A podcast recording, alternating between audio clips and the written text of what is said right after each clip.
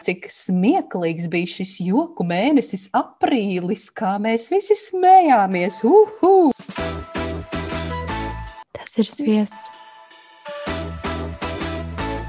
Tā tad uh, uz nākamo gadu mēs stādām sarakstu un savus ieteikumus iesūtām uh, komisijai. Sveicināti raidierakstā piedzīvot lapuses.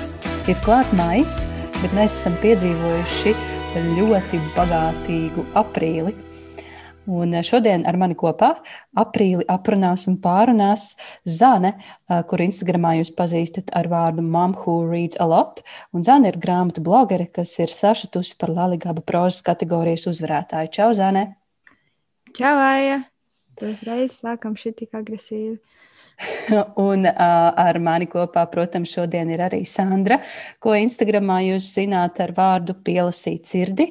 Un Sandra ir grāmatu blogere, kas ir sašutusi par Laligaba prozas kategorijas uzvarētāju. Čau, Sandra! Čau, Aien, čau, Zane! Paldies, ka tu man arī šeit pieminēji. šajā, šajā kategorijā, jā, pie sašutušajiem. Un, protams, ar jums kopā klausītāji esmu arī es, Aija, un es esmu ar, ar mazliet aizliktu degunu, jo es esmu tikko svaigi izlasījusi, pārlasījusi mūsu mēneša grāmatu un ļoti, ļoti noraudājusies.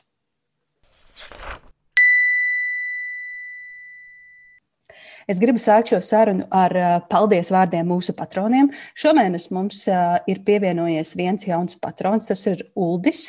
Paldies, Uldi, ka tu esi kopā ar mums. Un šomēnes mēs patroniem ierakstījām vienu jaunu sēriju. Sarunā gan piedalījos es un Sandra, Sandra un es, un šī saruna bija par mani vai par raidierakstu piedzīvot lapuses un kā tas ir tapis, un kāpēc, un par visādām citādām tādām diezgan atklātām un intīmām lietām un sajūtām. Tā kā, ja kāds no klausītājiem joprojām vēl domā, vai ir vērts kļūt par šī raidieraksta patronu, varbūt šī saruna to varētu rosināt, varbūt arī, ka nē. Jebkurā gadījumā mēs sakām milzīgu paldies mūsu atbalstītājiem, jo, mīļie patroni, jūsu mm, ziedojumu dēļ Zana šodien skan daudz labāk nekā citas eh, reizes iepriekš. Zane, parunā lūdzu. Viens, viens, viens, jā, man ir jauns mikrofons. jā, tas ir, tas ir, jā, tas ir iegādāts par, par patronu noziedoto naudu. Un, ja mēs tā turpināsim, tāpēc, tad pēc gada mikrofons būs arī Sandrai. Un varbūt mēs drīz skanēsim pavisam labi. Uh, Nu, ko, ar ko mēs varētu sākt? Mēs varētu sākt uh, ar to lielo ziloni istabā. mēs varētu parunāt par, par uh, Laligabu, vai mēs varam parunāt, cik smieklīgs bija šis joku mēnesis, aprīlis, kā mēs visi smējāmies. Uhu! Es izslimoju Covid, Zanai arī bija uh, diezgan sāpīgas ģimenes uh, tēmas, par kurām pārdzīvot. Sandra joprojām daudz strādāja. Nu, gan izsmējāmies šo mēnesi, pagājušā mēnesi. Sandra neapmeklēja māsas kāzas. Mm -hmm. Šis bija briesmīgs mēnesis. Turpat es nezinu, vai es gribu komentēt. Ah, gan lasīšanas ziņā, gan vispār dzīves ziņā. Nekā smieklīga šomēnes noteikti nebija. Bet uh, ko, ko, ko jūs izlasījāt, ko mēs izlasījām? Varbūt ir kaut kas, ko tomēr vēlties izcelt uh, bez mūsu mēnešu grāmatas. Uh, kaut kas, varbūt, kas palicis īpaši spilgti atmiņā no aprīlī izlasītā. Jā, nu, es nezinu, varbūt es sākšu. Mm. Es patiesībā izlasīju diezgan daudz interesantas grāmatas. Man tik vienmēr problēma ir ar to mm, nu, mēneša griezumā. Nu, es parasti neskatos, tur lasu 1. aprīlī vai 3. vai tas ir 1. maijā. Līdz ar to man bieži vien bailes ir, ka kaut ko atkārtošos. Nu, tas nav bijis pie tā konkrētā mēneša. Viena no interesantākajiem darbiem, kas sanāca, ko sanāca lasīt, bija The Migrations. Tas arī ir um, Debijas romāns, uh, Šarlotas Honagī. Un, uh, tas ir tāds ļoti interesants. Um, nu, nevis debijas romāns kā pirmais romāns, bet debijas romāns uh, pieaugušo žanrā, jo viņa raksta zinātniskās fantastikas un young adult žanrā. Un šis viņai pilnīgi kaut kas cits ir. Un tas ir tāds um, stāsts uh, mazliet ar tādu tā kā nākotnes elpu par to, kad uh, zemeslode ir, teiksim, cieši no tā no cilvēka darbības rezultātā. Visi dzīvnieki ir praktiski izmiruši, un ir pēdējie ziemeļu dzīriņi, kuri veic pēdējo migrāciju, un pēc tam viņi arī tiek iz, iz, nu, izmirsti. Un uh, galvenā varone uh, dodas uz kuģa, lai kā, sekotu tiem uh, zīriņiem pēdējā migrācijā. Bet nu, arvien vairāk atklājas, ka viņai pašai ir ļoti daudz noslēpumu, un tā grāmata patiesībā ir tāda psiholoģiskā drāma, kur mēs uzzinām daudz dažādu skumju notikumu, kas ir virzījuši viņu. Un, uh, katrā ziņā šī grāmata bija likās kaut kas tāds unikāls, nebija neko tādu lasījusi, jo viņam pat nav tāds viens noteikts žanrs. Un, uh, Viņu nekādu nevarētu nosaukt par zinātnisko fantastiku, jo liekas, ka uh, tā dzīvnieku izmiršana ir patiesībā ļoti tuva, nu, tāda reāla, kad mēs lasām, ka pēdējie degunraģi ir Baltijā dzīvo Āfrikā, ka gorillas ir tikai vienā vietā, Kongā palikušas. Nu, visas tādas lietas, ko mēs ikdienā varbūt nepamanām, viņas ir īstenībā reālas. Un, nu, katrā ziņā ļoti, ļoti spēcīga psiholoģiskā drāma, ļoti interesanta. Un, protams, tikko zvaigznē bija iznācis arī ļoti spilgtas, spilgta bestselleri ir par ārstiem mazliet sāpēs. Man ļoti, ļoti patika šis darbs. Šis ir um, jaunā ārsta piezīmes ginekoloģijas uh, nodaļā. Un uh, praktiski tie varētu teikt, ir tādi spilgtākie kuriozi, kas ir vienkārši neticami, ko cilvēki neizdomā un kādas muļķības tik neizdara. Un uh, tajā pašā laikā viņš arī pievērš uzmanību um, nu, medicīnas sistēmai un problēmai, un ko nozīmē būt jauniem ārstam. Un cik viegli ir, nu, teiksim, kad jaunos ārstus sistēmas salauž. Viņš pats vairs nestrādā medicīnā, un viņš pats sāk rakstīt scenārijus un nodarbojas ar komēdijām un kā stand-up autors. Un šī grāmata ir vienkārši izlasot, vienkārši fantastiski, jo liekas, ka tu esi tiešām kaut kādā stand-up izrādē, kurā esi ticis izklaidēts tajā pašā laikā. Tā kā tā ir realitāte, tev pilnīgi atveras acis pasauli un uz trakiem, trakiem cilvēkiem, jo tie stāsti ir vienkārši, nu, tu liekas, nopietni, nopietni. Bet tā kā viņš strādā ginekoloģijas jomā, tad Tad, protams, tas saistās visi tie notikumi ne tikai ar dzemdībām un pavairošanos, bet nu, ar tādām ļoti, ļoti trakām un interesantām lietām. Un otra grāmata ir, kas arī ir atnākusi pie latviešu lasītājiem, un es domāju, ļoti daudz šo gaidīju, kas arī ir milzīgs, milzīgs bestsellers. Uh, visā pasaulē. Tas ir dēlijs un darbs, kur vēži dzied. Tas ir tāds arī ļoti brīnišķīgs darbs tieši dabas aprakstu dēļ, jo viņa pati ir zinātniece un vairāk kā 20 gadus Āfrikā ir pētījusi lauvas, jēnas, ziloņus. Un ir sarakstījusi vairākus dokumentālos darbus, un var just, ka viņa ka viņa ir vienkārši dabas cilvēks. Un, un, un tā mīlestība pret dabu ir tik milzīga, ka lasot to grāmatu, liekas, nu, tāds wow. Nu, kā, kā, kā, kā to pasauli, kurā mēs dzīvojam, kā citi cilvēki redz kaut kā dziļāk, niansētāk un var tik skaisti izstāstīt. Tas ir vienkārši fantastiski.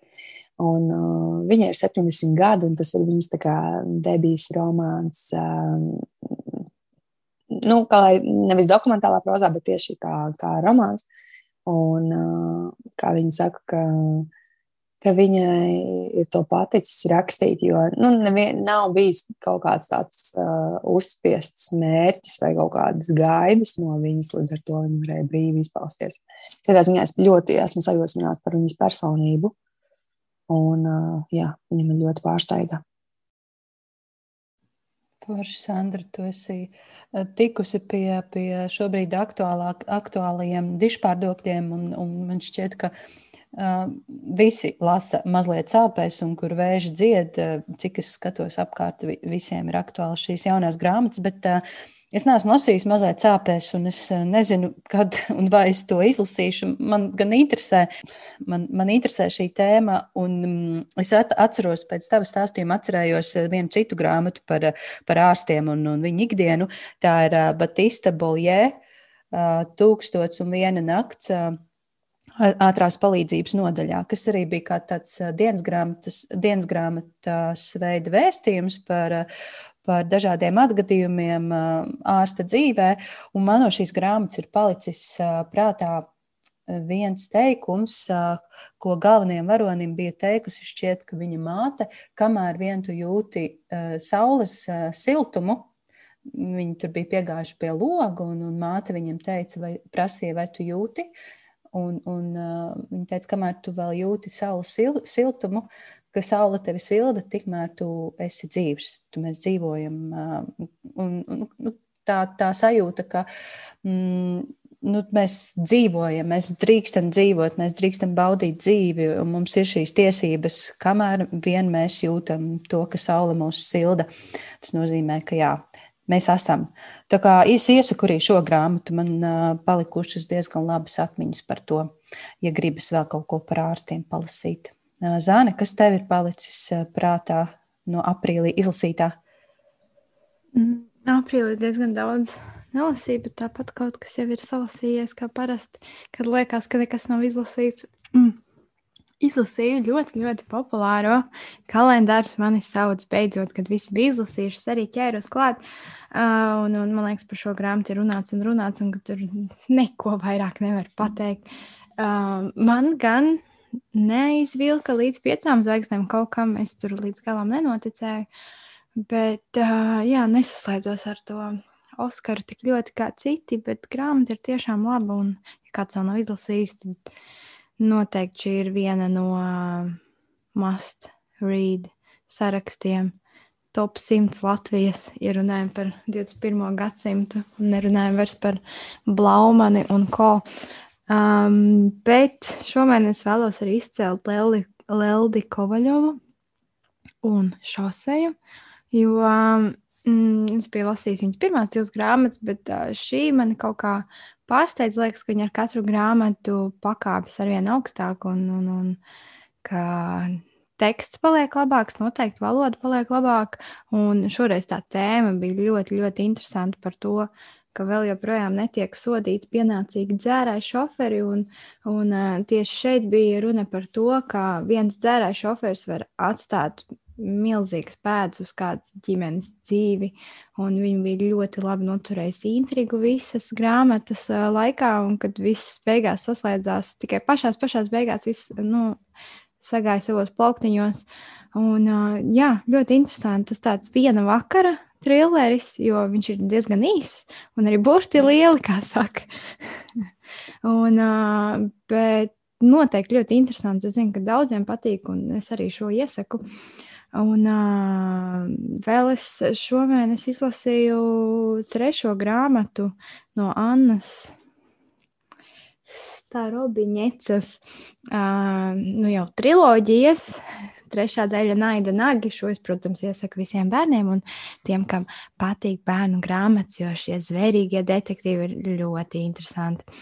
Uh, tā kā Anna noteikti ir tāds es nezinu, kas ir labs detektīvu rakstītājs, piemēram, nu, ne gluži Šerloks Holms, lai gan tas āpsts nedaudz atgādina Šerloku Holmsu un apškāns uh, viņa pārinieku, bet šis bija tāds tiešām labs atrisinājums, tā kā tāda um, detektīvu filma mazajiem, kur visādi notikumi notiek, un tad beigās hops izrādās, ka labi ir patiesībā ļaunie un, un, un tā tālāk.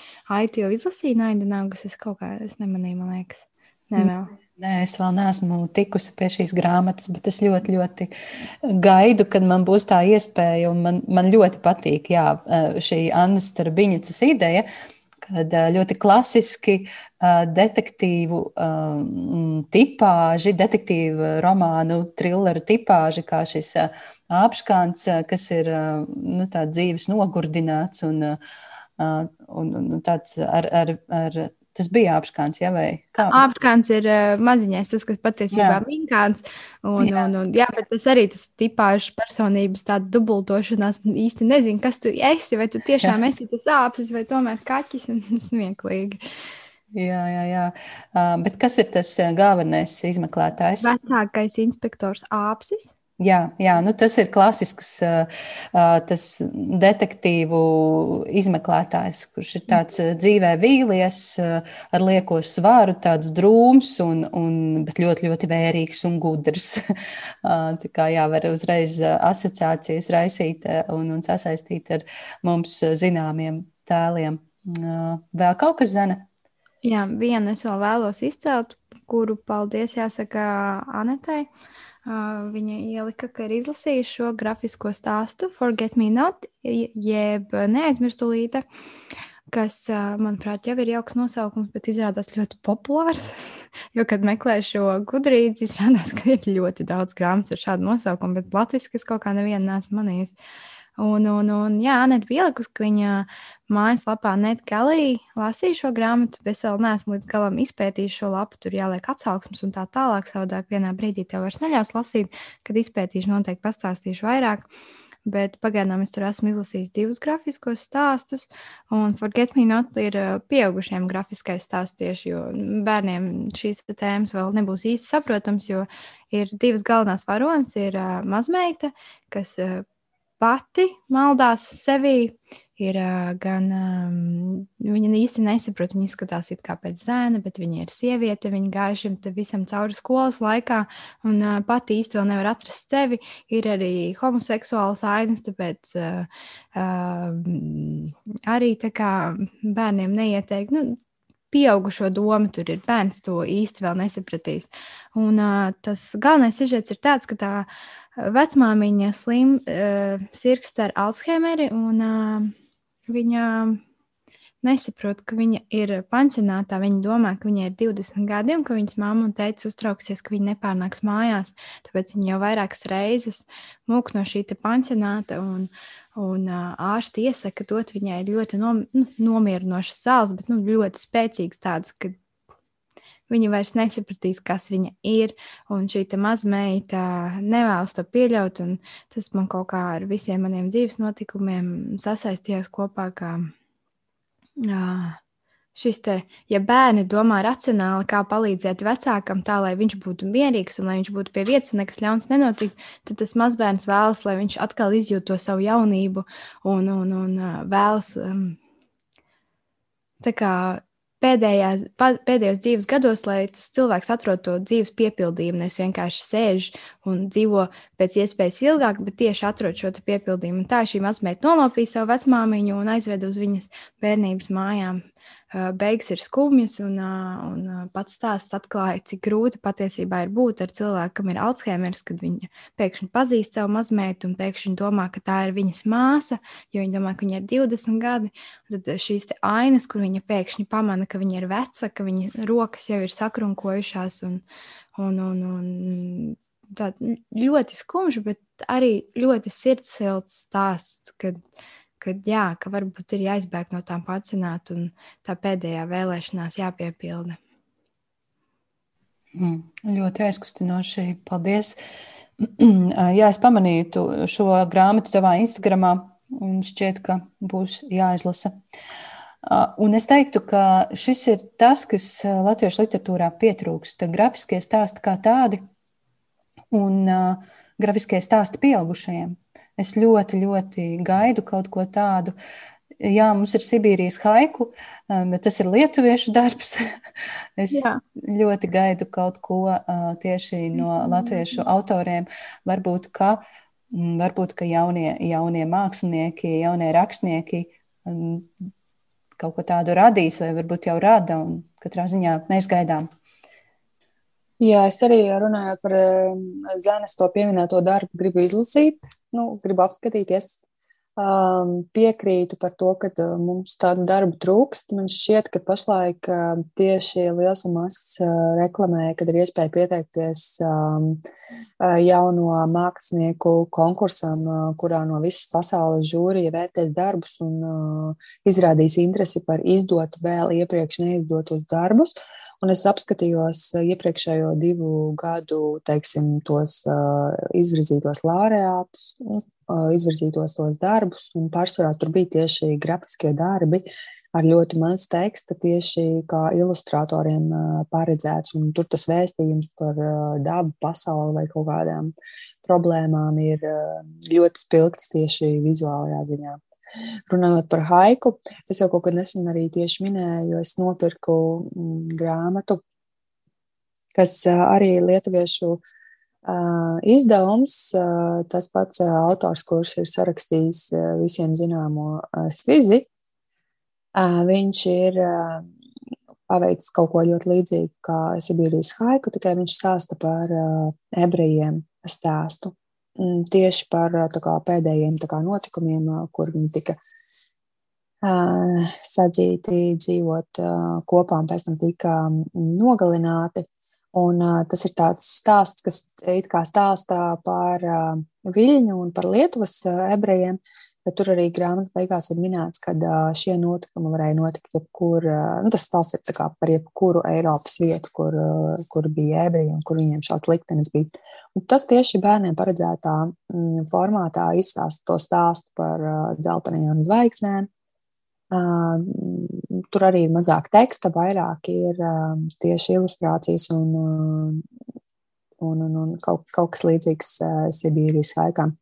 Tā kā viņi turpina šo tēmu un, un stāsta šos skumjos stāstus bērniem vairāk pieņemamā un saprotamā veidā, kas ir tikai loģiski Jo um, mēs nevaram likt um, bērniem lasīt uh, vecas grāmatas, vai teiksim, uzreiz uh, Melānijas kroniku un cerēt, ka uh, lielākā daļa bērnu to izlasīs. Un to varbūt izlasīs viens no tūkstošiem, bet, bet teiksim, ikdienā, kā, kā vakarā pasakas, vie, pa, pa, vakara pasakas vietā, un tajā pašā laikā izstāstīt tādu stāstu, man liekas, ir ļoti, ļoti, ļoti vērtīgi.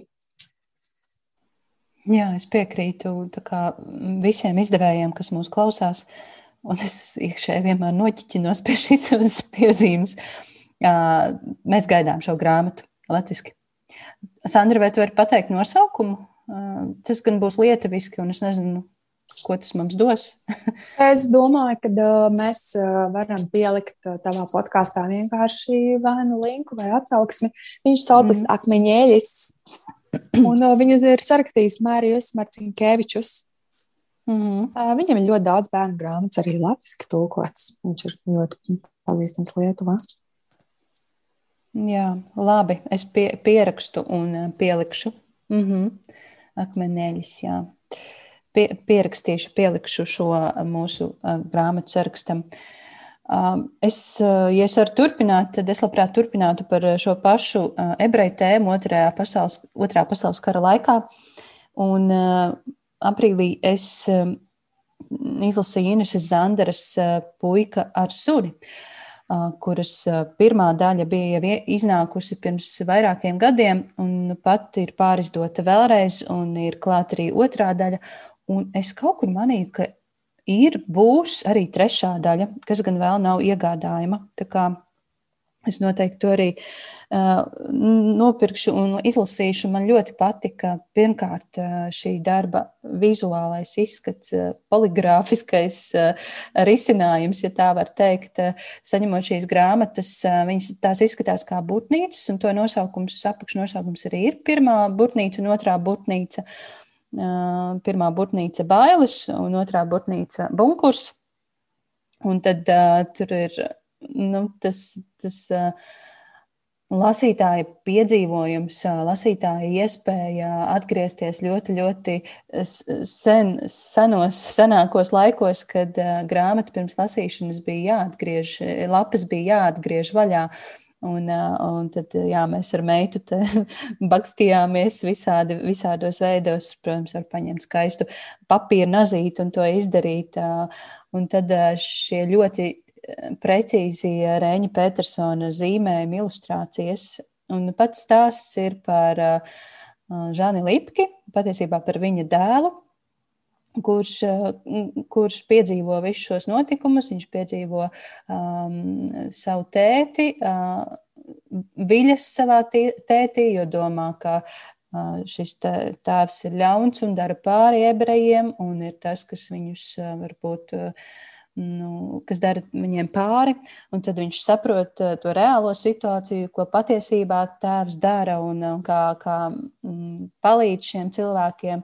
Un tad, manuprāt, vēl daudz spēcīgāk otrā daļa bunkurs, otrā burtnīca bunkurs ir par šo dzīvi bunkurā, par to, uh, par to, cik eh, joprojām nu, tas nav nekāds romantizētais stāsts eh, vispār ne no vienas puses.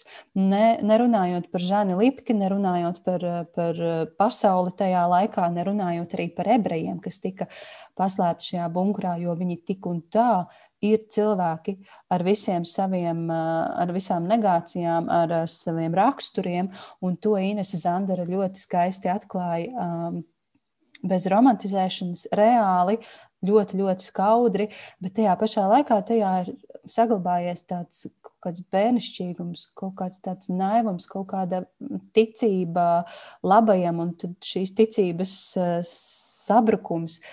Man ļoti patīk šīs abas grāmatas, man ļoti patīk, kā raksta Inese Zandera. Viņa brīnišķīgi atklāja bērna domāšanas veidu, Un to, kā bērni izjūt pasauli, tas ir, tas ir neizmērojams talants, kas ir šai, šai rakstniecei.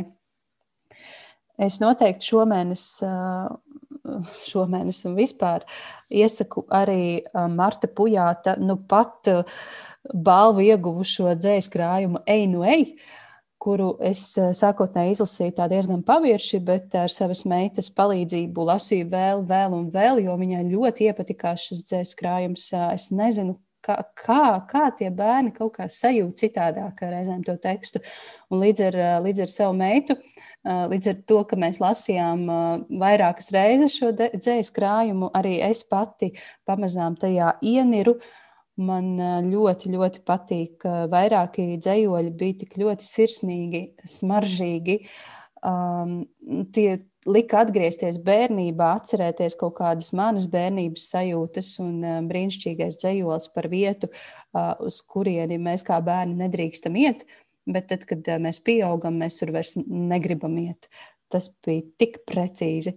Un, un tad, tad, nu, tā liek padomāt par tām mūsu pamatvērtībām un, un izaugšanas lietām. Un es izlasīju arī daudzināto. Man šķiet, ka uh, nu, visi Instagram cilvēki, kam es sekoju, lielākoties visi ļoti fanoja par šo Lali Gabas nominanti uh, prozas kategorijā un gaidīja. Cerēja, bet neticēja, ka tā uzvarēs uh, Lauras Vinogradovas garstāstu upe. Un, um, Sandra, man šķiet, tu neesi to lasījusi, vai ne? Bet Zena gan ir. Šis ir ļoti interesanti, jo es par šo grāmatu stāvu un krītu. Man tā, man tā, man tā ik pa laikam gadās, ka es nezinu, es sajūtu darbu ar aizmugures smadzenēm, un, un es esmu neskaitāmiem cilvēkiem viņu ieteikusi un teiks, ka ir jāizlasa, un es pati neesmu tikusi pie viņas. Un uh, es, es, es teicu, ka šai grāmatai ir jāvinē, un uh, es tam neticu, šis ir, nu jā, šis, šis ir mans unikālais gadījums. nu, uh, jā, es, es izlasīju Vinogradavas Lauras upi. Un es teikšu, ka mm, nu es uh, ieliku četras zvaigznes gudrībā, bet uh, es pat nezinu, es varbūt pat varētu trīs ar pus likt, uh, trīs noteikti nē. Un uh, man šķiet, Un to es arī sapratu pēc tā, kā viņa vakar pieteica šo darbu Latvijas ceremonijā, ka tas, ir, ka tas ir par viņu, ka tā upe ir uh, viņas stāsts. Man šķiet, ka, ka mm, tas arī, manuprāt, ir šī darba mīnus, ka tas ir ļoti par viņu. Protams, mēs nekad nevaram zināt, cik daudz un cik patiesi daudz tas darbs ir rakstnieks. Tas ir diezgan muļķīgi spriest, ka grāmata ir rakstnieks. Tur ne, nu, nekad nevar likt pilnīgi vienādu zīmi, bet kaut kur, protams, rakstnieka personība allaši parādās. Un es domāju, ka, ja tas būtu ja tas būtu vairāk izdomāts stāsts, ja, ja tas būtu mazliet kaut kur, nu jā, uh, es nemāku izskaidrot savus sajūtas līdz galam, bet manuprāt, tas nav līdz galam noslīpēts darbs. Manuprāt, un, un tas, ka tas nav līdz galam noslīpēts darbs, to, uh, nu, to rada tieši šī sajūta, ka tas ir vair, vairāk rakstnieces stāsts. Un, ja tas būtu literārāks darbs, tad es gribētu, lai tas beigtos citādāk, lai tomēr šis upes, upes tā metāfora brīnišķīgā, kas, jā, protams, par to es piekrītu, tā ir ļoti, ļoti skaista metāfora, lai tomēr tā aizplūst kaut kā līdz galam. Ko es nesapratu, Zāne? Tā kā es ar Lauru arī esmu runājusi intervijā, jo mums studiju ietveros bija jāintervē kāds autors, un es izvēlējos Lauru. Viņa ļoti jauki man atbildēja, ka jā, protams. Un es arī prasīju, kā, kā rodas grāmata. Viņa stāstīja man tieši par upi, ka upe radās no nevis kā liekas no galvenā tēla vai varbūt no pazudušās māsas, bet no tēva tēla, kas vispār grāmatā nepiedalās patiesībā. Viņš vienkārši ir klātesošs, jo viņš jau ir miris un šī galvenā varone pārvērtas uz, viņas, uz viņa māju. Un, uh, tas radās tā, ka viņi dzirdēja kādu stāstu par vīrieti, kas bija tik ļoti izpalīdzīgs, ka pēdējo kartupeli atdos uh, kādam, kam tas būs vairāk vajadzīgs. Viņš vienmēr visiem palīdzēja. Viņš ar savu riteni brauca uz uh, tālām vietām, lai tikai sanestu kādai vecākai sievietei malku vai, vai pats savu malku atdeva tam, kam tas nepieciešams. Man liekas, šis aspekts tieši ļoti interesants, kā mums liekas, kā rodas grāmata un kā viņa patiesībā rodas, kur ir tā pirmīdēja. Un, un vispār par upi. Um, protams, šī metāfora par upi. Tā, nu, tā nav, protams, pirmā grāmata, kur šī metāfora ir izmantota. Bet es nezinu, manī kaut kā dziļi sasaucās ar, es nezinu, ar ko. Ar muguras smadzenēm, kā Sandra saka. Bet, bet kā tev liekas, man šķiet, ka šī grāmata būtu pirmkārt iegūsi pirmkārt vairāk. Ja tā būtu šoreiz nevis garstāts, garstāts lūk, šis ir tas gadījums, kad uh, grāmata būtu, man liekas, daudz labāk, ja tā būtu plašāka, vēl dziļāka. Jo man mulsināja šī māsas pazušanas aina, kas man likās, kas tur notiek. Un tas bija tik sadzīviski un tik neiederīgi tajā visā skaistajā metaforā. Eh, ka es to ainu vispār gribēju izņemt laukā. un, un jā, šis tēva tēls, kas man likās ārkārtīgi interesants, un man gribējās eh, tieši kaut kā varbūt viņu vairāk dzirdēt un sajust šajā darbā. Un, uh, man arī mulsināja galvenās varonas attiecības. Es līdz galam nesapratu, kas tur īsti notiek, ka, ka, Viņa tā kā mīl, nemīl, bēg, nebēg, no kā viņa bēg, no sevis, no, no tās upes, no, no kura vīrieša viņa bēg un kas notiek īsti viņas sirdī, viņas prātā. Mm, un varbūt, es pārāk daudz analizēju, iespējams, bet kaut kā man liekas, ka tam to varēja vēl mazliet vairāk nostrādāt, un tas būtu izcils darbs. Ja tas būtu romāns ar kādām 400 lapas pusēm, es arī būtu bijis priecīgāk, vairāk ko lasīt man.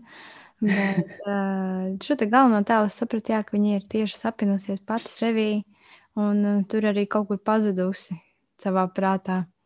Kaut kur pastaigājusi pa prāta līkločiem un kaut kādā stūrī pati sevi iedzinusi. Ja, kā jau sieviete atradusi problēmas, kur to nav, un tad vēl šis pazudušās māsas aspekts un māte un vairs nesošais tēvs, kuru vairs nevar dabūt atpakaļ un saglābt uh, nesošās attiecības, un tad pārāk labs vīrs, un tad sieviete izdomā, kādas problēmas vajag arī personīgajā dzīvē. Ja problēmas ir visur, tad lai ir visur. Un tad uh, nāk šis glābēji tēls, kā tāds lāču plēsis no uh, ārzemēm, no blakus mājas. Uh, jā, varoņi tur ir daudz. Man, man visvairāk īstenībā patīk tā, uh, tas mazais puika. Lūkas. Jā, vienkārši nezinu, viņš tāds. Tāds gaišais tēls tur pa visu. Nu, kā, kā jau bērns nesaprot tos pieaugušo problēmas, bet cenšas kaut kur arī iesaistīties, lai arī skaties, re, ko es, nu, kā mazs bērns cenšas pievērst uzmanību Man patīk, viņš tāds, tāds gaišs, viņš starp visu to skumjo upi. Saustariņš. Nu, labi, es domāju, ka upe varētu būt uh, lielisks tilts, upe un tilts mm -hmm. uz, uh, uz nākamo tēmu. Un, uh, un tad nu, mēs beidzot varētu parunāt par to lielo rozā ziloni istabā. Un uh, vakardienas mēs ierakstām 1. maijā, un vakardien 30. aprīlī notika Lali Gabas um, ceremonija, Latvijas eh, literatūras gada balva. Un eh, uzzinājām visus uzvarētājus. Un es teiktu, ka šī ceremonija bija skaista, brīnišķīga, aizkustinoša. Tā bija kā tāda burvīga, pufīga, sulīga torte, uz kuras uh, tu uzpūta vēl tādu skaistu, skaistu putukrējumu to, tornīti, kas beigās tā noļūk. Kāds bija jūsu sajūts? Viņa tā kā speciāli atstāja beigām to visu, lai sabojātu vakaru. Es, es nesapratu, ja būtu pašā sākumā, es būtu izslēgus, man vairāk neinteresētu, kas tur tālāk notiek. Nu, pats pēdējais jau bija pats svarīgākais. Nu, no visiem viņš skaitās kā gada prozas darbs. Līdz ar to tā ir kā pati galvenā, pati, pati, pati, pati nominācija.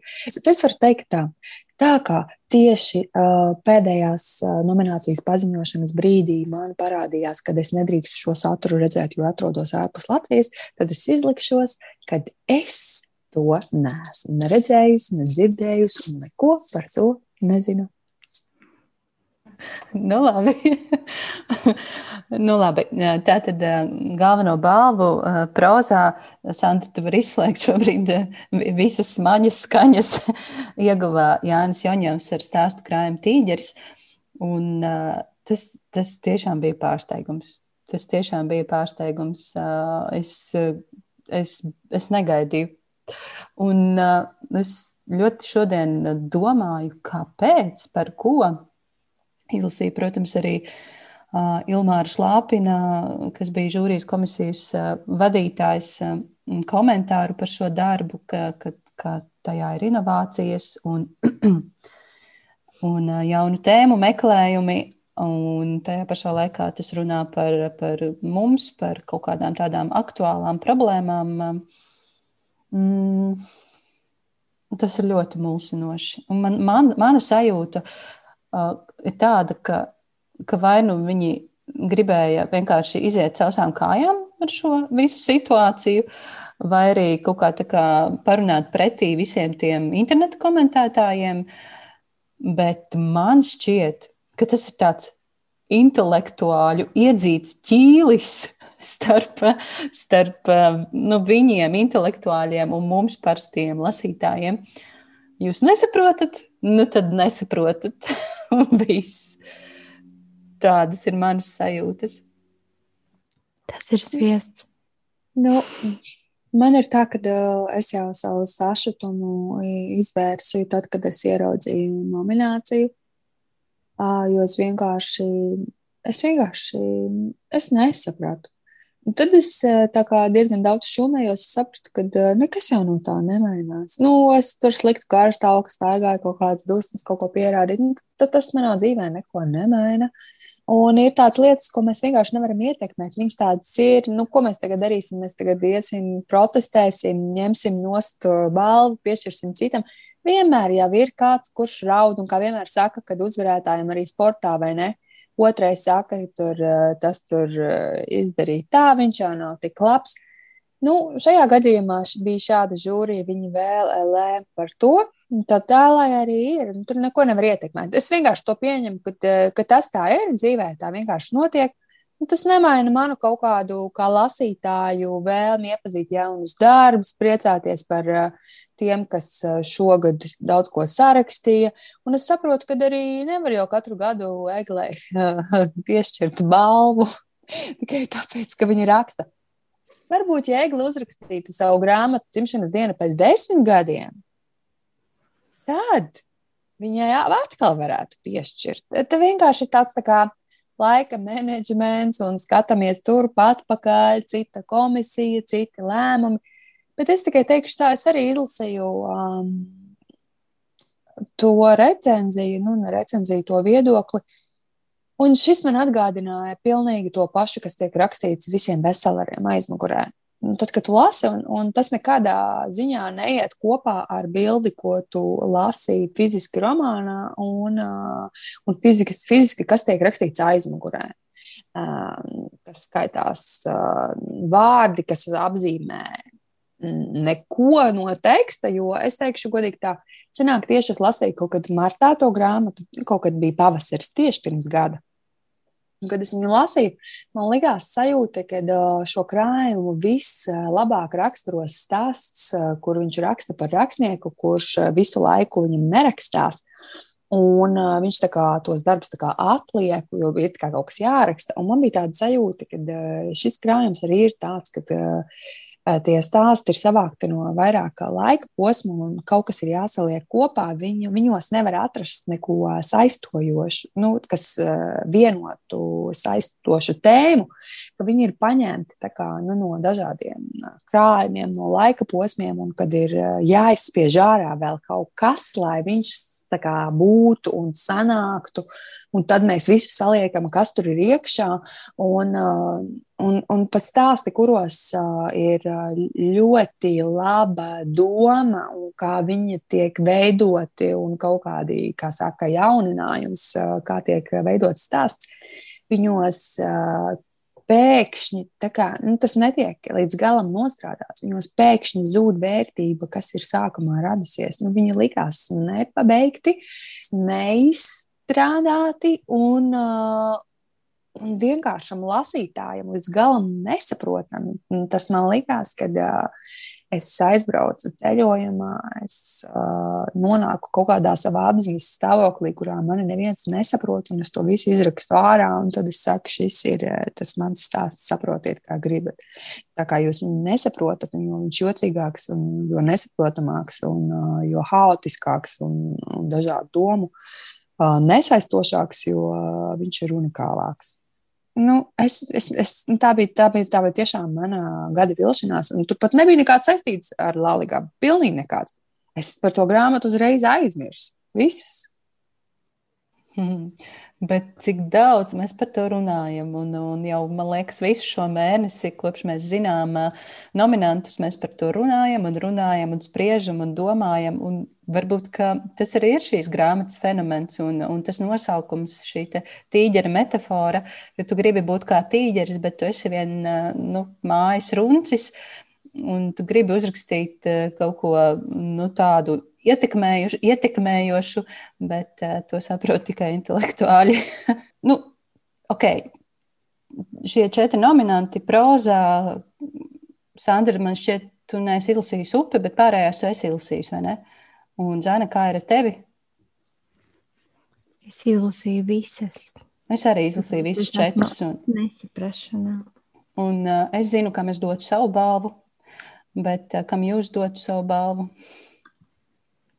Nu, upē. Es saprotu, ka es no literatūras laikam neko nesaprotu, nezinu, kāpēc es studēju vispār rakstniecības studijās. Labi, ja es neko nesaprotu, labi, upē nedosim, vai ne? Bet Balta kleita bija saprotama stāsta par sievietēm, saprotamu lasītājiem, nevis tikai nenormāli izglītotam cilvēkam, kas to vien dara, nezinu, sēž un pīpē un dzer vīnu un lasa grāmatas. Labi, Bet, nu, vismaz Ingai Ābelē, nu, taču, labi, ne Ingai Ābelē, bet, nu, vismaz tad Ingai Gailē, kāpēc ne? Kādai no Ingām, ja ne Laurai? Bet, nu, mēs jau zinām par skandāliem. Tur jau. Pagaidām, atgriežamies pie paša sākuma. Atgriežamies pie sākuma.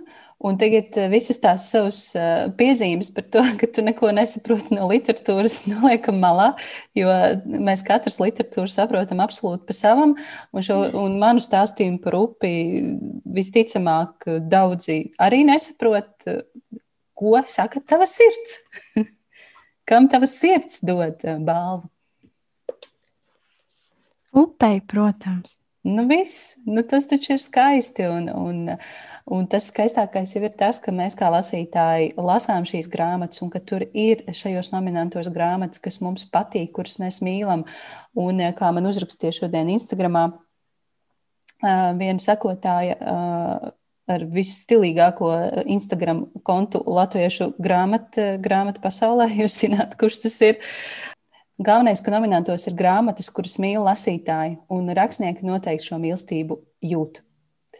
Nu, Tālāk. Um, tas konts ir, es nemāku viņu izrunāt, jo tas ir latī, latīniski. Laikam, vīnā ir taisnība vai kaut kā tā. Les fines. Jā, jā, jā. Es nemaz nemēģināšu. Tikai piebilst, ka tīķeru vietā varētu nominēt Haraldu Matuli. Es zinu, ka viņš jau saņēma vienu uh, valīgāpas balvu ne, par debiju. Par debiju. Bet tekstis, ah, es nevaru pat tekstis, jūs sapratāt, vai ne? Pasakāju to vārdu. Eksistenciālisms. Jā, paldies.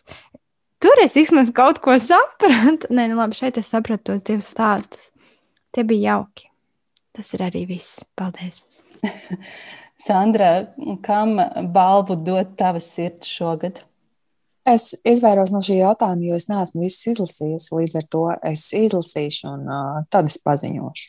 Jā, es savu balvu savukārt dodu Ingas Gailas rakstītājai. Es ļoti gaidīju un cerēju, ka šī grāmata iegūst šo balvu. Man ļoti, ļoti žēl, ka tā nenotika. Tas nekas, ka Inga Gaila savu balvu ieguva jau pagājušajā gadā. Tik un tā, manuprāt, šī grāmata ir tiešām viena no labākajām, kas latviešu literatūrā pagājušajā gadā ir uzrakstīta. Es, gan, protams, neesmu lasījusi visu, bet jā, man ļoti patika gan forma, gan vēstījums.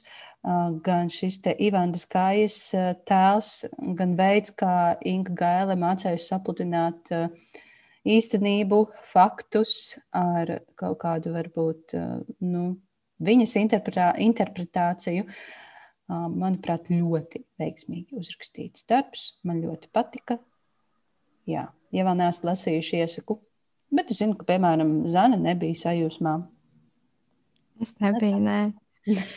Bet tik dažāds latvijas lasītājs. Man ļoti patīk upe.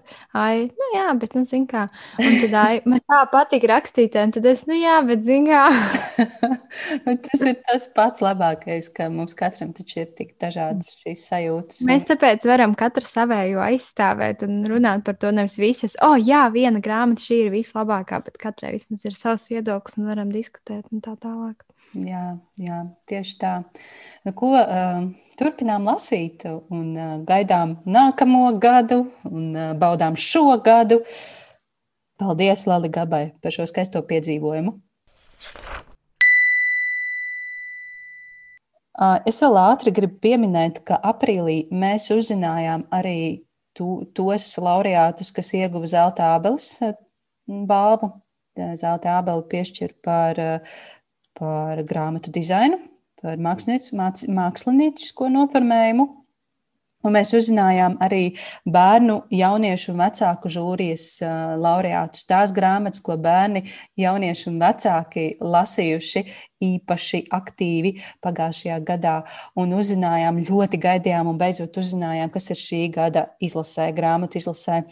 Uh, es priecājos par uzvarētājiem, Bet eh, kas ir bijis, tas ir aizgājis. Es pavisam ātri gribu dzirdēt jūsu komentārus par, eh, par šī gada izlasi.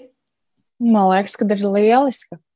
Kaut kādu pusi es esmu lasījusi, un es apskatījos, noteikti ir daļa, ko es vēl gribu izlasīt kopā ar saviem bērniem, bet katrā ziņā man liekas, daudz, daudz, daudz interesantāk, kā bija pagājušo gadu. Arī, arī pieaugušā žanrā, man liekas, ļoti, ļoti uh, labi darbi. Protams, tur var uh, strīdēties varbūt par uh, nominantiem saistībā ar uh, vecumu un pārējo. Bet, nu, būsim atklāti, nav jau daudz to darbu, lai mēs tur teiktu, tas ir uh, 9 gadniekiem, tas ir 15 gadniekiem. Bet nu, tās grāmatas, kas ir, viņas ir kaut kādā ziņā sadalītas un ieliktas. Un man katrā ziņā patīk. Man liekas, ka šis te lasot vērtē 21. Um, pēc jau tāds lasītāja viedoklis par grāmatām, nevis kritiķi ir salikuši savējās, bet, bet, bet tieši tas, kas lasītājiem patīk, ir savilkts apmēram kopā un tad salikts kategorijās pa vecumiem. Man ļoti patīk jaunais saraksts, jo nu, tur ir starks un tur ir lampiņa. Un, Un, un, un tur ir arī Sofija, lo, lojalitātes un upe. Bet nē, ļoti forši. Kapteiņa zirdziņš arī ir brīnišķīga grāmata, 5 plus kategorijā, tieši, tieši perfektam vecumam. Uh, Bumbuļi, nē, bubuļu bailes arī esmu lasījis. Tā arī ļoti forša grāmata tieši šim vecumam piemērota. Kā sagaidīt cipelnētiet. Mēs vizuālās mākslas stundā ņēmām bērniem tā patika. Uh, Um, es domāju, ka arī labi aizies. Tuk, tuk, varbūt visi nesapratīs, bet arī fantastiska grāmata. Um, 9 plus esmu lasījusi tikai kaķus, tāpēc vēl nevaru komentēt, bet es noteikti izlasīšu visu, kā es to parasti daru. parasti otro gadu. Un jā, 11 plus vienkārši fantastiska kolekcija. Paks arī man ļoti patika. 15 plus, es nezinu, vai lasītāji būs 15 plus, bet ok, labi, kāpēc ne? un vecāku žūri arī trīs es esmu lasījis no tām. Santiago man ir bijis sarakstā, bet pēc pēdējiem notikumiem pazud, bet laikam jau būs jālasa. Jā, pēc mm. pēdējiem notikumiem. Nē, nu, izlases Santiago, karietu uz Santiago noteikti. Jā. Nu, kaut vai tāpēc, lai ir viedoklis. Bet uh, man šis saraksts liek domāt par, par ļoti sāpīgu tēmu. Um, mums trūkst labas literatūras jauniešiem. Tieši mm -hmm. kategorija 15. Plus, 15 plus tieši tā. Izskatās tāda diezgan skumīga. Samocīta. Jā, tā tilda. nebija ko likt, kaut ko saliksim. Tā kā tilda ir 11. Plus. Es neesmu lasījis, bet nu, es, nu, tas stāsts nav 15 gadniekiem. 15 gadnieki jau citi jau grib tūlīt jau precēties un, un dzīvi kārtot, tad viņiem tilda jālasa. Mm, es piekrītu, ka tilde noteikti ir pie Sofija 11. Vēl, jā, labi, bet nu, Sofija, man liekas, arī 11 plus var lasīt, un nekāda vaina. Mm, mm -hmm. Un šis te, šis romāns par, par tām vēstulēm, kā viņu sauc, visiem zēniem, kurus es mīlēju, mm. nu, ok, jā, bet es tomēr gribētu kaut ko daudz tādu spēcīgāku, tieši Jā, 15, plus, kaut ko tādu. Ir cukura bērns, cukura bērnu varēja ielikt. Lai gan to arī var 11. Plus. 11 plus ir tik daudz labu grāmatu, man liekas, ka tur varētu vēl likt, likt un likt, bet 15 plus tas posms, ka tu jau esi pieaudzis, bet it kā vēl neesi. Mm. Um, tāds grūts posms dzīvē visiem. Un tad tev dod lasīt kaut kādas mazas bērnu grāmatas. Es saprotu, mans brālis ir 14 gadīgs, un es domāju, ko viņam dot. Nu, ko viņam dot? Es iedevu viņam puiku, kurš redzēja tumsā. Es ceru, ka viņam patiks. Viņam nepatiks, tad es nezinu, es padodos. Tā tad uh, uz nākamo gadu mēs stādām sarakstu un savus ieteikumus iesūtām uh, komisijai. Uh, tikai Jā, cerams, ka uh, būs arī uh, ko izvēlēties. Nē, nu, es cienu komisiju un šos cilvēkus, kas veido šo sarakstu. Es domāju, ka viņi ir ļoti zinoši un, un pārzina, ko, ko piedāvā literatūra latviešu bērniem un vecākiem. Tā kā viss, viss jau kārtībā, bet es aicinu rakstniekus rakstīt tieši, tieši jauniešiem. Nu, vispār mums, jā, tādu jaunu, spēcīgu rakstnieku, kas runā jauniešu valodā, es teiktu, ka ļoti trūkst tieši latviešu literatūrā. Brīvs lauciņš. Labi, nu tad parunājam par to mūsu mēneša grāmatu, kas ir. Hmm, nu, es to labprāt ierakstītu šajā jauniešu grāmatu kategorijā, kaut gan manā bibliotekā tā bija pieaugušo nodaļā. Um, bibliotekā ir divi eksemplāri, un abas divas atradās pieaugušo nodaļā. Es par to biju nedaudz pārsteigta. Un grāmata ir uh, Džona Grīna, Mūsu zvaigžņu vaina, ko izvēlējās Sandra, kas izrādās šo grāmatu, kas ir uzrakstīta 2012. gadā un latviešu valodā izdota 2013. gadā. Nebija lasījusi. Sandra pastāsta par savu izvēli. Pirmkārt, es gribu pateikt, ka es īpaši jauniešu grāmatas nelasu.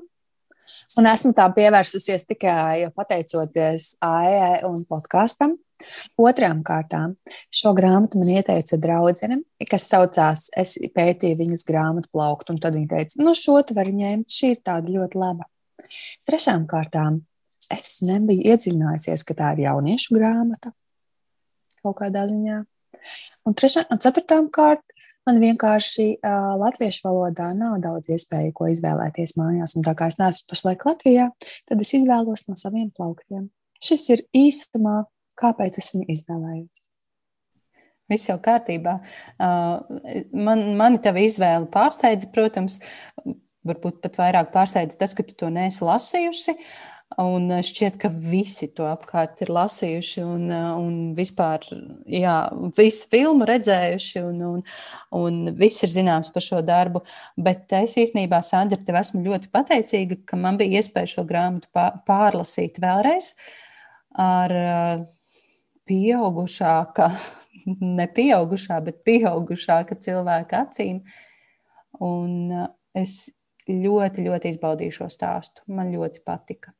Man ļoti uh, patika, ka es uh, sapratu vairāk, izjūtu vairāk, varbūt nekā pirms tiem gandrīz uh, desmit, ne deviņiem, astoņiem gadiem, kad lasīju šo pirmo reizi. Jā, nu es tev varu piekrist, ka grāmata, protams, ir ļoti laba. Man patīk tas vēstījums, ko viņi sniedz runāt ar jauniešiem par šādām smagām tēmām. Un interesanti ir, ka es pēc tam paklausījos arī intervijas ar pašu autoru, kur viņš stāsta, ka viņa mērķis ir bijis parādīt, ka jebkuri nu, slimie bērni, vienalga ar kādām slimībām viņi ir slimi, um, ka viņi ir nevis kaut kādi cietēji vai uh, kaut kādi tādi īpašie, kā sacīt, tādi, uh, kuriem tur nezinu. Nu, ar cieņu, ar bijību, ar bailēm un uzmanību jāpieiet, bet ka viņi ir pilnīgi tādi paši kā mēs, ar tādu domu, ka viņiem ir tāpat uh, slikti gara stāvokļi, pusauģu kaut kādas tur uh, iedomas, nu, ka, viņu, ka viņi ir pilnīgi iet tādiem pašiem uh, posmiem cauri kā jebkurš cilvēks, kuram, kurš ir pilnīgi vesels, nu, fiziskā ziņā. Un viņš gribēja parādīt uh, šos tēlus kā, kā pilnīgi, pilnīgi, pilnīgi parastus uh, cilvēkus, nevis, teiksim, uh, kaut kādus, kuriem, kuriem ir nu, kaut kas. Kaut kas pilnīgi tāds savādāks, ko mēs nespējam iedomāties. Lai, lai, mums, lai mēs saprastu, ka tāpatās kā nezinu, cilvēki ratiņkrēslā vai kā viņiem ir pilnīgi tādas pašas, gan savas problēmas, gan savas sliktās īpašības, gan savas labās, gan sapņi, gan, gan uh, antipātijas, gan nu, nu, jebkurš. Uh, jebkurš tādas lietas. Un, nu, es teikšu, tā viņš to ir arī savā, savā darbā panācis, parādot no vienas puses šo tēmu, kas ir slimība. Nu, Un uh, sadzīvošana un, un ģimenes attiecības, uh, uh, kas ilgtermiņā kaut kādā ziņā pilnīgi pārmaina ģimenes uzbūvi. Un tajā pašā laikā to pusauģu normalitāti, kas ir uh, iemīlēšanās, sapņi kaut kādā ziņā, um, nu, tā rebelēšanās pret vecākiem un, uh, un pirmā, nezinu, pirmais skūpsts un, un, un, un, un tādas lietas. Un, uh, viņš to ir lieliski izdarījis. Protams, sākot lasīt grāmatu, sapratu, ka es esmu redzējis filmu. Uh, man tikai, nu, nu es nosaukums īpaši neatceros, un, uh, bet tas, tas neietekmēja. Es zinu, kad filmā es raudāju, un līdz ar to grāmatā es zināju, kas notiks. Un, uh, un, un, un, uh, un, un, un es diemžēl neraudāju, jo man kaut kādā ziņā jau, nu, tā kā, tā kā jau bija zināms, kas tur notiks. Um, Tas kaut kādā ziņā tas vienīgais mīnus, kas man kaitināja, protams, protams tā ir pusauģa grāmata. Un es to lasot ļoti, ļoti izjūtu kā pusauģa grāmatu.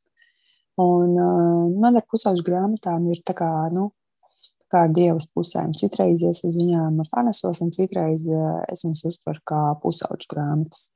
Jo, nu, laikam tas, ka man tomēr ar tiem pusauģiem ir diezgan grūti pašai, gan dzīvē, gan, uh, gan liekas, nu, taču vai nu pieaudz, vai nu paliec par, uh, par bērnu, bet, bet saņemies. Un tā, no tā viedokļa man druskuļi Mm, drusku, drusku kaut kas, kaut kas kaitināja. Un, protams, tā visa ir butaforija. Un, teiksim, es viņu īsti neuztvēru par realitātes attaisno, attainojumu, jo man likās, tā ģimene ir tik ideāla, tik ideāla, nu, ka es nespēju iedomāties, kā var būt nu, tik labi tie vecāki. Un, Un, teiksim, tad es visu laiku iedomājos eh, kaut kādu vegānu, kas ir psiholoģiskā realisma autore, kura, kura vairāk raksta par realitāti. Un, uh, no tāda viedokļa man drusku pietu, pietrūka to realitātes atainojumu. Kaut arī šeit tika pieminēts, ka lielākā daļa arī uh, ģimeņu šķiras.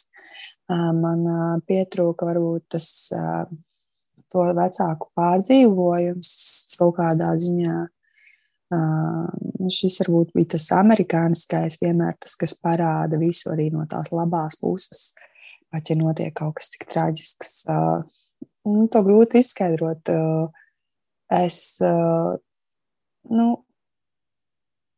nu šie, šie stāsti ir, uh, nu, viņi ir, viņi ir traģiski. Var jau būt, ka tieši pusauģiem varbūt vajadzēja kaut ko, kaut ko, kaut ko vieglāk uztveramu. Bet man kaut kādā ziņā pietrūka nu, vairāk realitātes, jo, jo es īsti nu, nespēju noticēt tik trausmīgi pozitīviem vecāku ziedošanās, uh, uh, nu, tiem visiem notikumiem, jo man liekas, tomēr dzīvē tas viss ir daudz, daudz sarežģītāk un komplicētāk. Mm. Bet es teiktu, ka nu, tur ļoti tādās uh, mazās niansēs tas tiek arī labi parādīts par to, kā šie vecāki pēc, uh, pēc augusta nāves, uh, viņi, cik viņi ir izmisuši, cik viņi ir pazuduši. Un tad, kā Heizela redz, ka viņi vienkārši sēž pie galda un monotoni vienkārši ir, eksistē. Un tad, kad viņa pamana, ka viņi tomēr sadodas rokās, kādā brīdī viņa, viņā ir tas atvieglojums. Un jā, šis, tas, ka viņi piemin tās izjukušās ģimenes, cik tur tie procenti pēc bērnu nāves parasti gada laikā šie pāri šķiras, un viņā ir tās bailes. Nu, tur, tur, parādās, tur parādās arī nu, tas brīdis, kad Viņa visu laiku ir pie augusta, un tad mamma saka, mēs tevi neredzam, un viņa saka, taču mamma dzīvo beidzot savu dzīvi. Tas ik pa laikam uh, ir un ir klātesošs tas vecāku izmisums, un es nedomāju, ka tas bija kaut kā baigi skaisti parādīts. Es kā mamma lasīju, tagad es šo grāmatu lasīju kā mamma, un man plēsa pušu sirdi tā doma, ka kaut kādam vecākam savā dzīvē, vispār nu, ļoti daudziem vecākiem tas ir jāpiedzīvo. Tas ir drausmīgi. Tas ir drausmīgi, un es kaut kā jā, jūtu to, to sāpju grāmatā. Mm, nu, jā. Bet eh, vispār tiem, kas nav lasījuši, par ko ir stāsts, stāsts ir par meiteni Heizelu, kurai ir 16 gadi, un viņa principā mirst no vēža. Un atbalsta grupā, uz kuru viņa negrib braukt, viņa satiek puisi Augustu. Augustus, aug, augusts. Viņam ir 17 gadi, un viņa vēzis šķietam ir izārstāts, viņš ir remisijā. Viņam liekas, jā, ka viņš ir brīvs no vēža, kas tomēr izrādās, ka tā nav. Baigais spoilers. Um, man šķiet, ka šī grāmata ir par tie ir tipiski pusauģi, kā tu, Sandra, saki, jā, viņi, viņi ir kaut kur pa vidu, viņi vairs nav bērni, bet viņi vēl nav pieaugušie, bet viņos abos divos ir tik daudz dzīves gudrības, un es, man ir iespēja šobrīd satikties, aprunāties ar pusauģiem līdzīgi, līdzīgā vecumā, kāds, kāds ir Augusts un Heizela, tad 16, 17, 18 gadīgi jaunieši, un viņos ir nenormāla dzīves gudrība. Un es skatos un klausos un domāju, pats, es nebiju tāda savos, savā vidusskolas laikā. Es tiešām tāda nebiju. Es nebiju tik gudra, es nebiju tik uh, sirds gudra, dzīves gudra.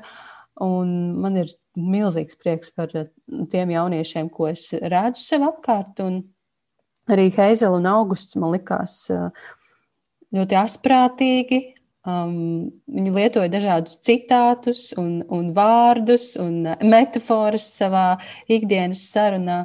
Un man šķita, ka tas tieši tas ir tas, kas uh, veido šo grāmatu par tādu labu uh, literatūru pusauģiem un labu literatūru arī vecākiem. Mm, šo grāmatu es lasīju tāpat kā Aija pirmo reizi pirms vairākiem gadiem. Un es nespēju viņu pārlasīt visu, jo man tieši aprīļa pēdējās dienās iekais acis, un es vienkārši nespēju palasīt. Es vienkārši sāku raudāt nevis no grāmatas, bet vienkārši no dzīves. Uh, un, uh, bet, nu, cik es atceros visu šo stāstu, arī filmas esmu redzējusi, lai gan arī pirms pāris gadiem mm, tāds silts, bet skumjš stāsts. Un, man liekas, ka jā, tiešām attaino to pusauģu un arī vecāku uh, attiecības, kas bieži vien nonāk strupceļā, bieži vien atrisinās un kaut kā plūst vienkārši pa upi. um, šis te, ka vecāki grib biežāk redzēt savus pusauģus, bet uh, pusauģis grib atkal prom no vecākiem, un tad tiem pusauģiem paliks 25, un tad viņi zvanīs māmu, tu vari pieteikt man pie ārsta. Tu jau esi liels cilvēks, tev pašam jāpiesakās pie ārsta. Nu, jā, bet mammu. Un um, šīs attiecības visu mūžu garumā, kad tu pusauģis gados liecies tik pieaudzis, bet, kad paiet pusauģis gadu un tu esi pieaudzis, tu jūties kā bērns, kad tu esi ar saviem vecākiem. Un um, par visu šo stāstu nu tik briesmīgi skumji, bet, diemžēl, tas notiek katru dienu un visās pasaules valstīs, un no tā, diemžēl, nevar izvairīties. Uh, Un, uh, laimīgas beigas ir patiesībā pat diezgan retas, un pat ja beigas ir laimīgas, tas ceļš līdz tam laimīgajām beigām ir tik sāpīgs un ilgs un, un grūts. Ka... Bet šī ir arī ļoti gaiša grāmata. Manuprāt, es paskatījos, paklausījos dažas autora intervijas, kur viņš stāsta, ka viņš gribēja, lai šis stāsts ir mīlestības stāsts, tātad rakstīt par šo slimību, Un, lai tas reizē ir arī mīlestības bet viņš negribēja šo klasisko variantu, kurā ir viens veselais, veselā puse, un tad ir šis slimā, slimā puse un slimā. Slimais cilvēks, slimais tēls, tad iemāca tam veselajam izbaudīt mirkli, izbaudīt dzīvi un visu to pārējo. Un tas šajā grāmatā nenotiek, bet šī grāmata lasītājam dot to sajūtu, vismaz eh, nu, kaut uz mirkli, uh, es to sajūtu, ka es kā lasītāja esmu tā, tā nu, šajā gadījumā trešā veselā puse, kas saprot, cik svarīgi ir dzīvot, uh, izbaudīt, būt. Un, tas tajā izmisu, izmisumā ir tik daudz skaistuma, un tā mīlestība ir tik īsta un dzīva, un tie pēdējie vārdi, ko Augusts ir uzrakstījis Heizelē par to, ka mēs nevaram izvēlēties, vai šajā pasaulē mūs kāds sāpinās, vecais tomēr varam izlemt, kurš mūs sāpinās. Es ar savu izvēli esmu apmierināts. Es ceru, ka viņai patīk viņējā. Nu, tas ir ļoti skaisti šī granātas eh, metāfora, ka es negribu būt tava granāta, bet mēs. Uh, Nu, mums katram ir kaut kāda granāta dzīvē, mēs esam paši granātas, un mēs atstājam šīs rētas citos, un citi atstāja mūsos rētas. Un tā ir dzīve. Grāmata par ne tik daudz par slimību, kā par dzīvi un, un nāvi, un, un iespēju ar to sadzīvot, saprast to. Man šķiet ļoti, ļoti, ļoti labs darbs. Nu, skaisti, skaisti uzrakstīts par pašu autoru. latviešiem tādu vienu vajag, kurš raksta jauniešiem. Bet šī, tā kā tu teici, ir pusauģu metafors. Viņam visās grāmatās pusauģu metafors ir. Esmu lasījis arī papīra pilsētas un bruņurupuči bez gala. Un šīs te metaforas, kad paklausies, kā citu pusauģu runā mūsdienās. Mm -hmm. Metaforas. Starp citu, bruņurupuči. Nē, ir arī, protams, tie tiešām, kas tā arī runā, bet lielākoties jau nē. Bruņurupuči bez gala arī ir viena grāmata, ko es vēlos ieteikt. Es neesmu daudz no Džona Grīna lasījusi. Latvijasiski šķiet, kādas piecas vai pat sešas viņa grāmatas ir izdotas, manuprāt. Un es esmu lasījusi trīs, un Bruņurupuča bez gala ir tā, kur es gribu ieteikt izlasīt. Izrādās, ka ne visi šo grāmatu bija lasījuši, kā es to teicu iepriekš. Līdz ar Sandru tātad arī Frīda Rīds pievienojās mums aprīļa grāmatas lasīšanā. Un Frīda Rīds raksta šādi: Izlasīju un domāju, ka vienīgais, ko var pateikt, ka tā ir skumja grāmata. Skumjais pasniegts ar bravūru un melniem jociņiem, jo galvenie, un tas ir vēl jau smeldzīgāk, varoņi ir pusauģi, kuriem jāpārdzīvo un jāpieņem gan sava slimība, gan otra nāve. Tāpat arī tikpat traģiski ir vecākiem ar to samierināties un turpināt dzīvot. Bet uh, es pajautāju arī Instagram sekotājiem, pajautāju arī Instagram sekotājiem, ko viņi domā par šo grāmatu. Šorīt uh, ieliku jautājumu lodziņu, un interesanti, ka tur šīs atbildes uh, varējas uh, no, no tā, ka šī grāmata tiek raksturot kā ļoti sirdi plosoša, līdz tam, ka tā ir vienkārši salkana. Tā kā arī te domas dalās. Um, bet, uh, jā, tiek uzsvērts, ka tā ir ļoti romā, romantiska, aizkustinoša grāmata, stāsts par mīlestību. Um, bet uh, paslēpusies grāmatās, uh, iesaka izlasīt Džona Grīna grāmatu Bruņurupuči bez gala, ko es arī iesaku izlasīt. Un tā viņai patikusi daudz labāk.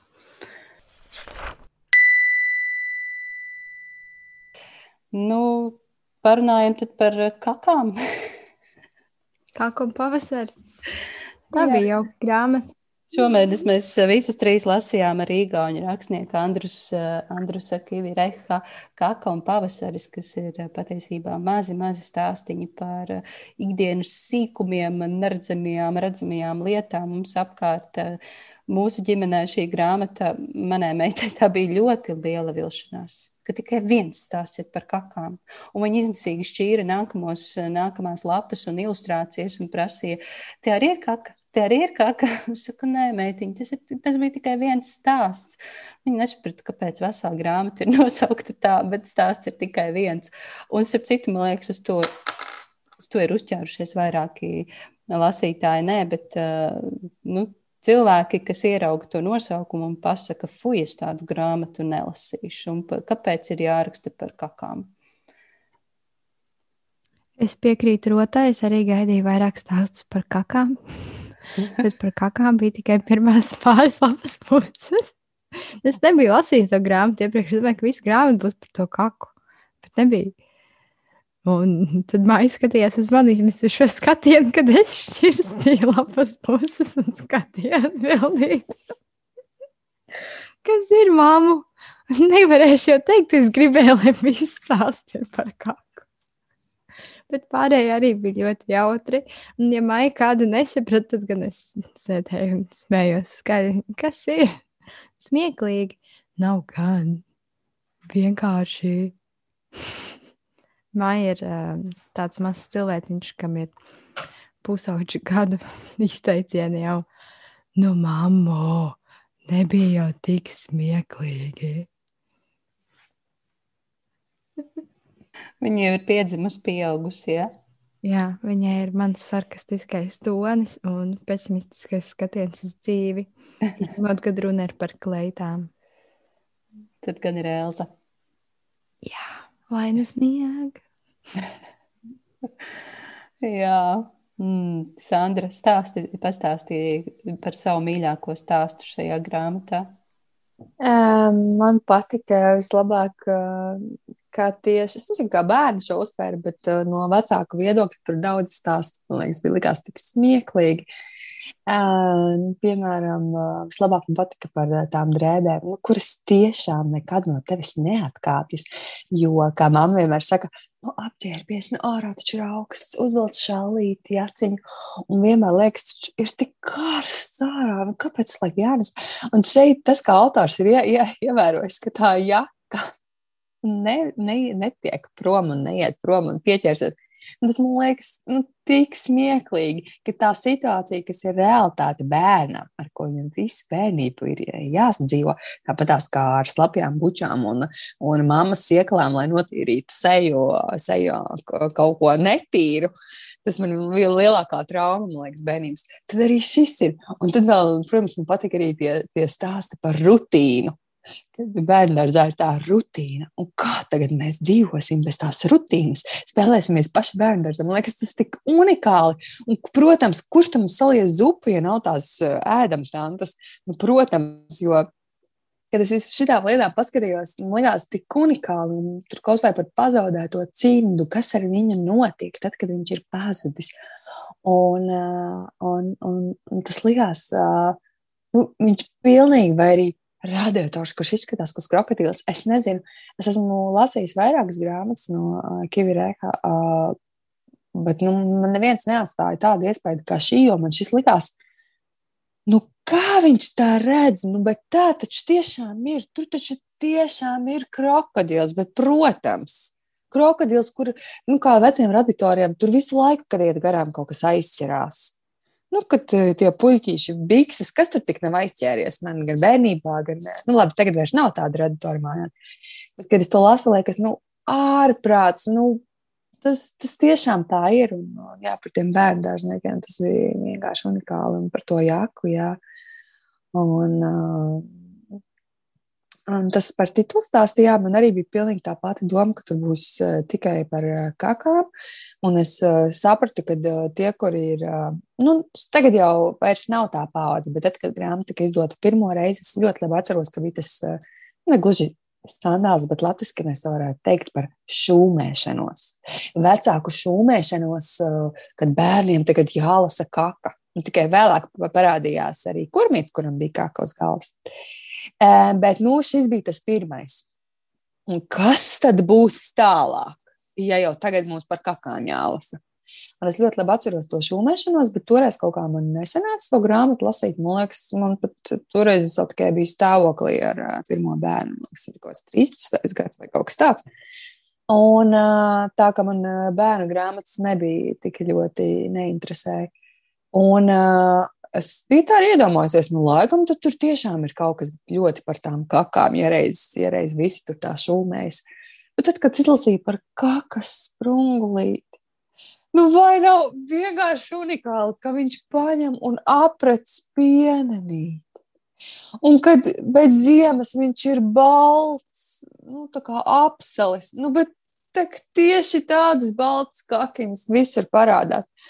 Nu, man liekas, nākamais stāsts varētu būt par aizpūstajām maskām. Ja? Nu, tāpēc, kā mums stāsta par maisiņiem, eh, kuri materializējas, kas ir arī man šķiet vienkārši unikāls, jo es esmu sākus pievērst uzmanību maisiņiem, kā viņi lido un kā viņi tiešām veļas, eh, veļas kā kaut kādas dzīves radības.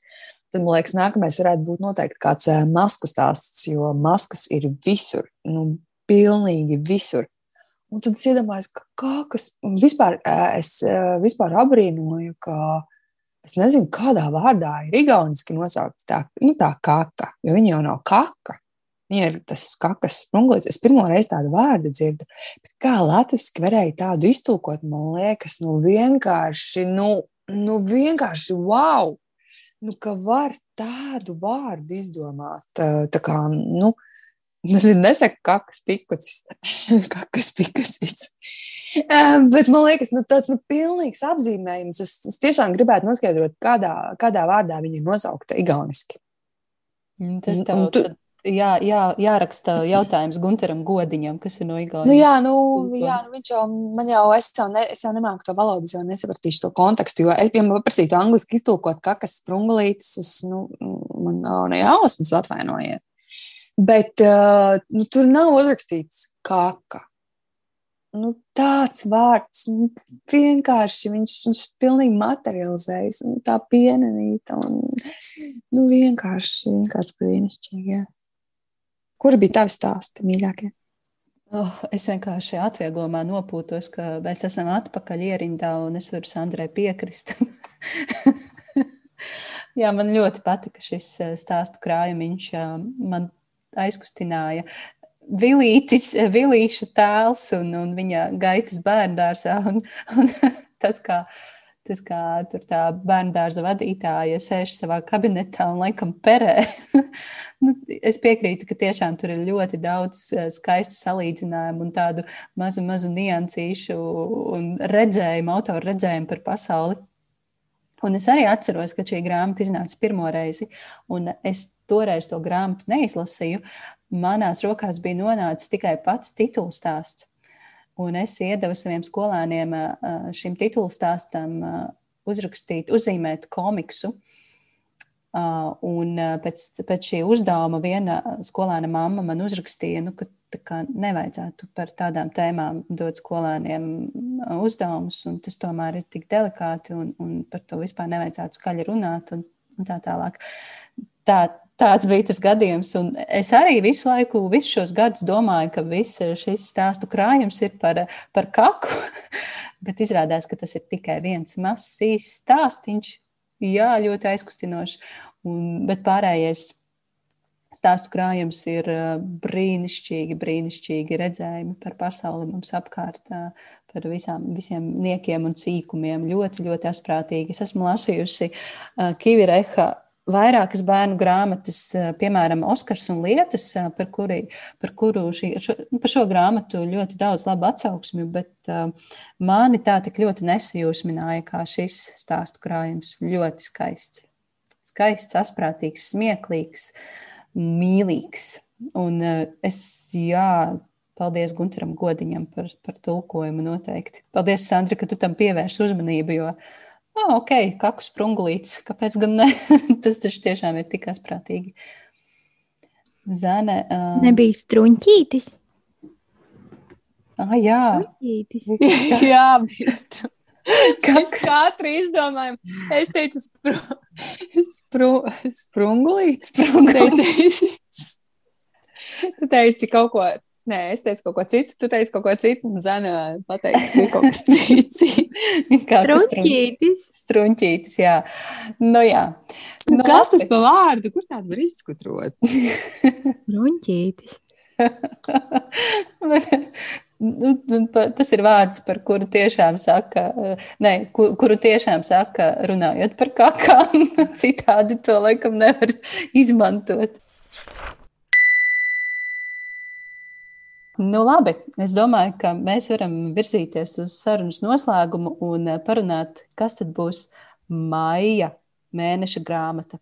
Un es vēlos teikt tā, draugi un atbalstītāji, ka maija mēneša grāmata būs Jāņa Joņeva stāstu krājums Tīģeris. Aplausus uzvarētājiem!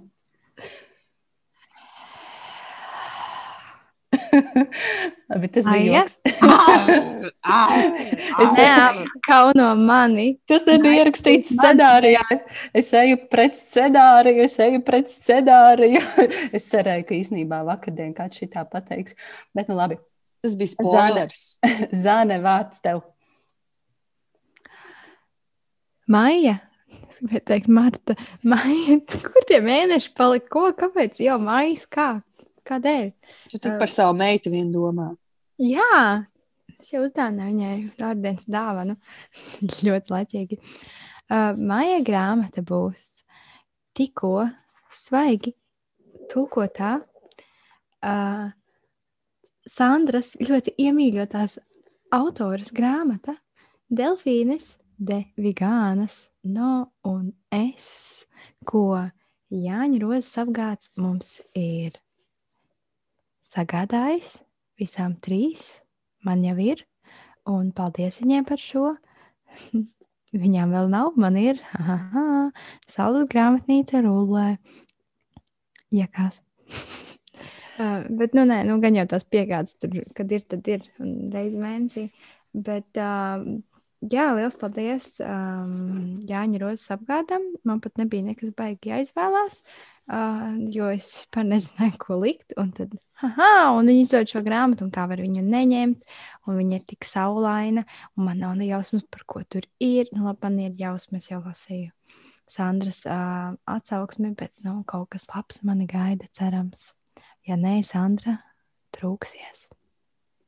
Uh, nu jā, patiesībā šo grāmatu, man liekas, lielākā daļa mūsu klausītāju jau, jau ir izlasījuši, jo grāmata iznāca aprīļa vidū, un uh, tā strauji, strauji uh, iekaroja nu, visus, visus lasītājus. Un šķiet, ka tiešām daudzi jau to ir izlasījuši, bet tie, kas vēl nav izlasījuši, ķerieties klāt. Lasām uh, Delfīnas Devigānas no un es. Domāju, ka šis būs skaists literārs piedzīvojums uh, un arī pārdzīvojums.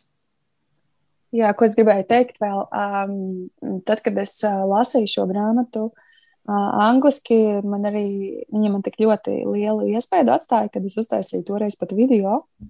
Uh, tā kā laiva ierakstīja, un uh, tajā es tieši minēju, es teicu, kā man gribētos kaut jūs šo varētu izlasīt, jo man liekas, nu, nu ka tā kā man gribas dalīties tajās emocijās, tajā pārdzīvojumā, nu, es biju, es biju burtiski sagrauta.